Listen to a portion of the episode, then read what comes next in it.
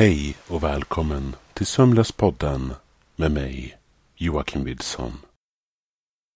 När du tänker på månen, vad är din första tanke då? För mig så går tankarna ganska så direkt till månlandningen som skedde 1969. Neil Armstrong och Buzz Aldrin. Ett litet steg för människan. Ett jättekliv för mänskligheten. En historisk stund. Men kan det vara så att ytterligare en månlandning skett utan att vi ens har märkt det? På Youtube har livestreaming blivit allt vanligare. En av de mest intressanta, oförklarliga och mystiska Youtube livesändningarna är Chiming Langrius. Chiming är kinesiska eller mandarin och betyder uppdrag. Langrius råkar vara en krater på månen. Mellan den 11 till 18 maj så livesändes 153 timmar av material från månen. Men hur är detta möjligt? Youtube-kanalen har inga förbindelser med NASA eller det kinesiska rymdprogrammet och blev först upptäckt på Discord som är lite som en uh, community där man kan chatta och spela samtidigt. Det är fullt förståeligt att det finns en viss skepsis till detta. I vår tid är det nästan till omöjligt att skilja på en datoranimation tillagd i ett filmat klipp och det som är verklighet. Det finns vissa saker i Chiming Langries innehåll som bara inte går att förklara. Det mest anmärkningsvärda är jordens förhållande till månen. Hur det går från dag till morgon under dagarna som kanalen livesändes inför runt 20 000 personer runt om i världen. Framför sina datorer och mobiltelefoner. Ibland så kunde man höra en person som talade i Chiming Langries kanal. Den sista dagen av livesändningen var den 18 maj. Då en hand kunde ses lägga ner kameran. Men frågan är, var det en mänsklig hand? Jag länkar ett klipp till detta så får du avgöra vad du själv tror. Nu ska vi tillbaka till jorden, till Sverige och besöka en liten bondgård.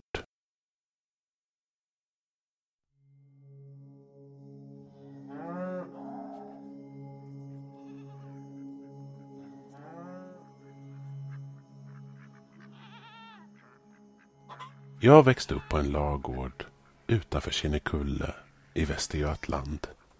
Varje morgon så gick jag och min bror Erland för att hämta ägg i hönsladan. Sedan så mjölkade vi korna. Mina föräldrar gillade att hålla mig och Erland sysselsatta. Risken för att vi skulle hitta på hyfs minskade ju då. Min mamma och pappa hade gett varje ko ett namn. Rosa, Klara, Bjällra och Vera var mina favoriter. De väntade alltid så tålmodigt och gjorde inte en fluga för när. De två tjurarna, Holger och bjässen däremot, de var det bäst att hålla sig borta ifrån. Särskilt bjässen, som var lika vild som han var storväxt. Det var ett lugnt liv på bondgården. Så nära idylliskt som man kan komma. Det enda som störde mig var mardrömmarna jag hade varje natt. De var märkliga och hemska. Som att se in i framtiden. För i drömmen var min bror Erland några år äldre. Likaså mina föräldrar. Det var alltid natt i drömmen. Mörkt och kallt, likt en höstnatt. Med löven som dansade över ängen. Utanför vår faluröda stuga så råmade en ko. Det lät som att den plågades. Varje gång sprang jag ut i drömmen och möttes där av en kalv. Den var varken röd eller vitsvart i färgen. Utan kolsvart. Dess revben var synliga och blodet droppade ner från marken. Från bröstkotorna så stack två vingar upp. Nötta och fladdermusliknande.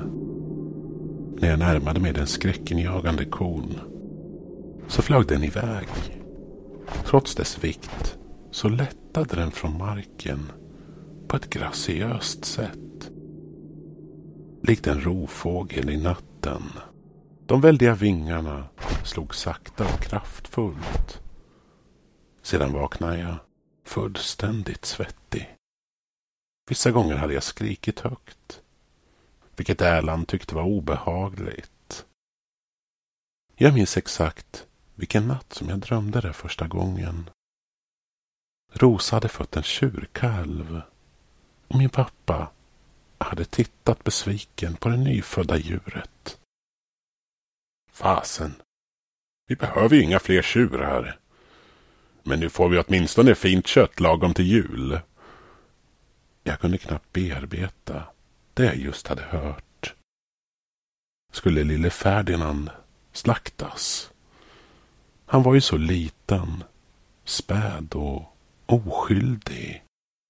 Trots att min pappa rådgjorde mig att inte bli alltför fäst vid Ferdinand. Så blev jag det. Jag tittade på när hans mun letade sig fram till Rosas bena. Klappade om honom när jag kom hem från skolan och berättade om min dag för honom. Min pappa och Erland tyckte jag var tokig. Min mamma lät mig hållas men tyckte det var besynnerligt. Ferdinand växte upp snabbt. Vi brukade leka kull tillsammans. Han förstod inte riktigt reglerna, men det var okej. Okay. På stapplande ben så följde han efter mig i kohagen. Under en veckas tid så försökte jag lära honom apport. Men gav upp ganska så snabbt när jag insåg att han inte hade något intresse av att jaga efter pinnen. När Ferdinand blivit nio månader gammal, en vecka innan julafton, så sa min pappa att det var dags. Jag förstod genast vad han menade, men vägrade inse det. Jag bönade och bad. Sa att Ferdinand kunde bli min julklapp för i år. Bara jag fick behålla min vän. Ja, han hade faktiskt blivit min bästa vän under den tiden. Han krävde ingenting och fanns alltid där. Min eh, näst bästa vän, Sven, en skolkamrat, ville lira fotboll och palla äpplen från Johanssons gård. Han tvingade mig att göra saker jag inte ville. Det skulle Ferdinand aldrig göra. Vi förstod varandra. När min pappa hämtade geväret och långsamt vandrade in mot stallet så hoppade jag på hans ben. Försökte stoppa honom. Han greppade tag i min högerarm och kastade bort mig. Öppnade dörren till vår stuga och satte för en stor sten vid utsidan så att jag inte skulle rusa efter honom. I några minuter bankade jag desperat på dörren. Min mamma blev arg och bad mig att lugna ner mig. Medan Erland gjorde sig lustig på min bekostnad.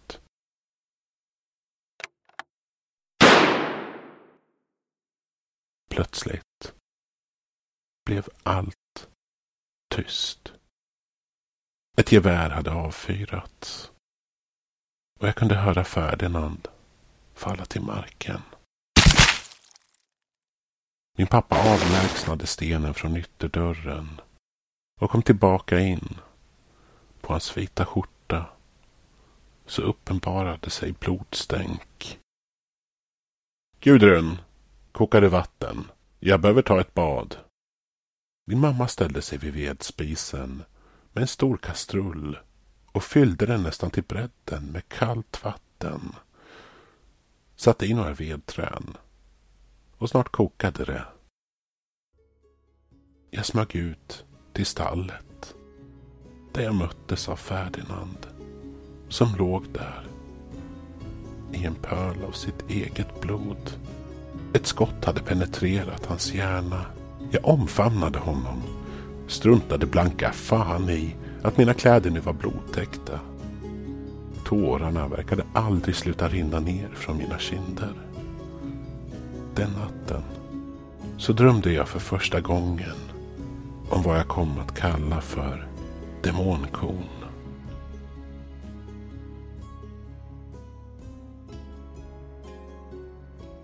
Trots min återkommande mardröm så flöt livet på bondgården på. Men att gå in till stallet för att mjölka kossorna blev aldrig likadant. På julafton hade min mamma gjort i ordning kalvkorv, kalvstek i ugn och köttbullar. Det enda jag åt på julbordet var potatis, bröd och lutfisk. Fiskar brukade jag göra själv. Så jag hade inga problem med att äta just lutfisken. Det fanns inte en chans att jag ens skulle smaka på en tugga från det kött som en gång hade varit Ferdinand. Min bror Erland hånade mig över min vägran att äta kött, kallade mig vek och råmade samtidigt när han tömde tallriken med en full kalvkorv och köttbullar. Den dagen bestämde jag mig för att aldrig äta kött igen. Bara fisk. Under min uppväxt var detta väldigt ovanligt. Inte som nu när det finns olika supplement i kött. I flera år överlevde jag på potatis, svampar i skogen, morötter och fisk då och då. Ibland undrade jag om det var Ferdinand jag såg i mina drömmar. Men den fromma kalven som han var, kunde han verkligen vara så ilsken? Och sättet han flög på runt i mina drömmar med sina väldiga vingar var inte för att fly. Det var för att attackera. Åren gick och jag blev tolv år gammal. På min examen så sa min pappa att han hade en alldeles speciell överraskning till mig. Jag var exalterad. Min far hade alltid varit snål och inte den som gav gåvor i onödan. Så jag undrade vad han hade i kikaren. När vi kom hem från skolavslutningen så tog far mig till ängen där korna betade. Geväret vilade mot stenmuren. Jag har inte velat sagt någonting, men Rosa är gammal och har varit väldigt dålig under en tid. Det går knappt mjölka henne, men trots det äter hon som en häst. Vi har inte råd att ha kvar henne och eftersom du nu är en man så är det din tur att göra vad som krävs. Du kan inte mena allvar, far. Aldrig! Vill du hellre att hon plågas till döds? Jag vägrar. Låt Erland göra det. Jag har uppfostrat en blödig ynkrygg. Vi skrek åt varandra, grälade, till jag flydde från hagen. I fjärran hörde jag ett gevärsskott som ekade. Jag bara fortsatte att springa. Jag ville lämna den förbannade gården. När jag sprungit i en timma in i skogen så började mörka tankar att fylla mitt sinne. Jag ville ha hämnd för Rosa och Ferdinand. De förtjänade inte det ödet. I skogen försökte jag fylla min mage med kantareller och blåbär. Men insåg att jag var tvungen att ta mig tillbaka. Trots allt så respekterade jag och älskade mina föräldrar och min storebror. Det började närma sig kvällen när jag återkom tillbaka. Min far tyckte att jag skulle be om ursäkt för mitt beteende. Men jag vägrade. Mitt straff blev som vanligt. En örfil och ingen mat. Lyckligtvis hade jag ju förberett mig på det. Min högra kind sved, men magen var nästan full efter blåbären och kantarellerna. Jag hade också lagt undan en burk inlagda morötter på mitt rum. För just en sån här situation. Det var ju inte första gången jag gjort hyss och blivit bestraffad. Morötterna smakade sött och syrligt. Och det bästa av allt var att jag hade lagt in dem alldeles själv efter att ha sett mamma göra det så många gånger. Den natten var det kallt. Trots att det var tidigt på sommaren så kändes det som höst. De unga löven hade börjat falla från träden. Det var oerhört märkligt. Precis som i min dröm. Den jag haft minst hundra gånger. Tankarna ledde mig till ytterdörren. Jag var bara tvungen att gå ut dit. Se om den bevingade kon stod där med någonting inom mig gjorde att jag tvekade. Trots att den är ko aldrig gjort mig illa i drömmen så var den fortfarande övernaturlig och helt enkelt obehaglig. Med bestämda steg gick jag mot ytterdörren. Öppnade den försiktigt. Där stod mina föräldrar och Erland. De var som fastfrusna. Deras blickar fyllda av fullständig skräck. Jag hörde ett mäktigt vingslag och tittade bort mot ängen. Där fanns två kor. En större och en mindre. Deras ögon var fullständigt vita. Kropparna täckta av någonting som påminde om kära. Det rann långsamt ner på marken. Det gick inte att ta miste på det. Framför mig stod Rosa och Ferdinand. Men det var ju omöjligt. Mina tidigare kovänner flög högt upp i luften med sina väldiga vingar. Precis som Ferdinand gjort i mina drömmar. Men vad som inte hörde till drömmen jag sett var att Ferdinand och Rosa landade framför min pappa. Rosa öppnade sin mun och väldiga sylvassa tänder kunde ses. Hon attackerade min far som föll till marken av Rosas tyngd. Med ett obehindrat bett slet hon upp min pappas bröstkorg. Ferdinand gick dit och började dricka upp blodpölen som min pappa var omgiven av. Som för varje sekund täckte gräset mer och mer. Jag kunde, precis som Erland och min mamma, bara stå där och se på. Fötterna ville röra sig in mot stugan eller bort från den här platsen. Så långt som det bara gick. Men innan jag fick chansen så hade Rosa nu flugit på min mamma och bet henne rakt i halspulsådern. Nu var det bara Erland och jag kvar. Min bror började springa men Ferdinand var snart ikapp honom och attackerade hans rygg. Jag hörde ben krossades. Erlands sista ord. Bort från mig! Sluta! Sluta! Med blod rinnandes från Ferdinands mun så landade han varsamt och inte alls på samma aggressiva och rovdjursliknande sätt framför mig. Det såg ut som om han ville att jag skulle klappa honom. Med tårar i ögonen sträckte jag försiktigt fram en hand och klappade honom på huvudet.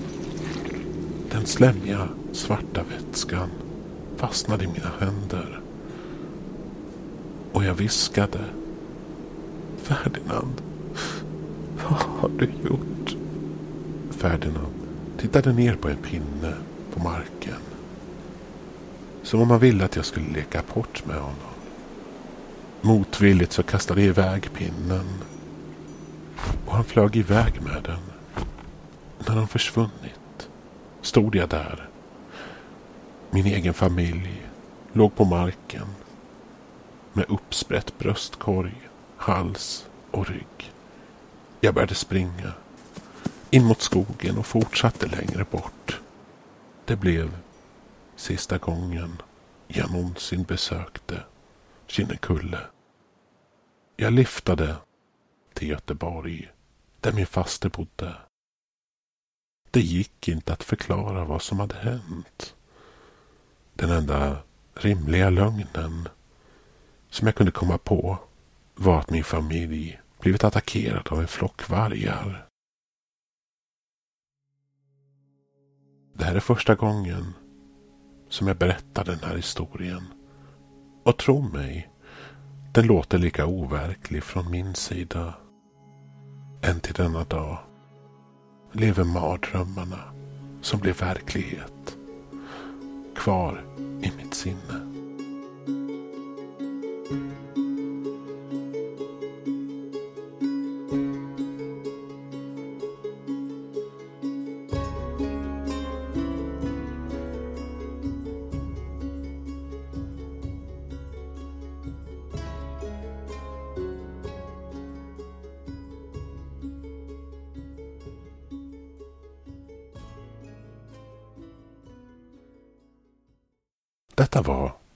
Flygande kor.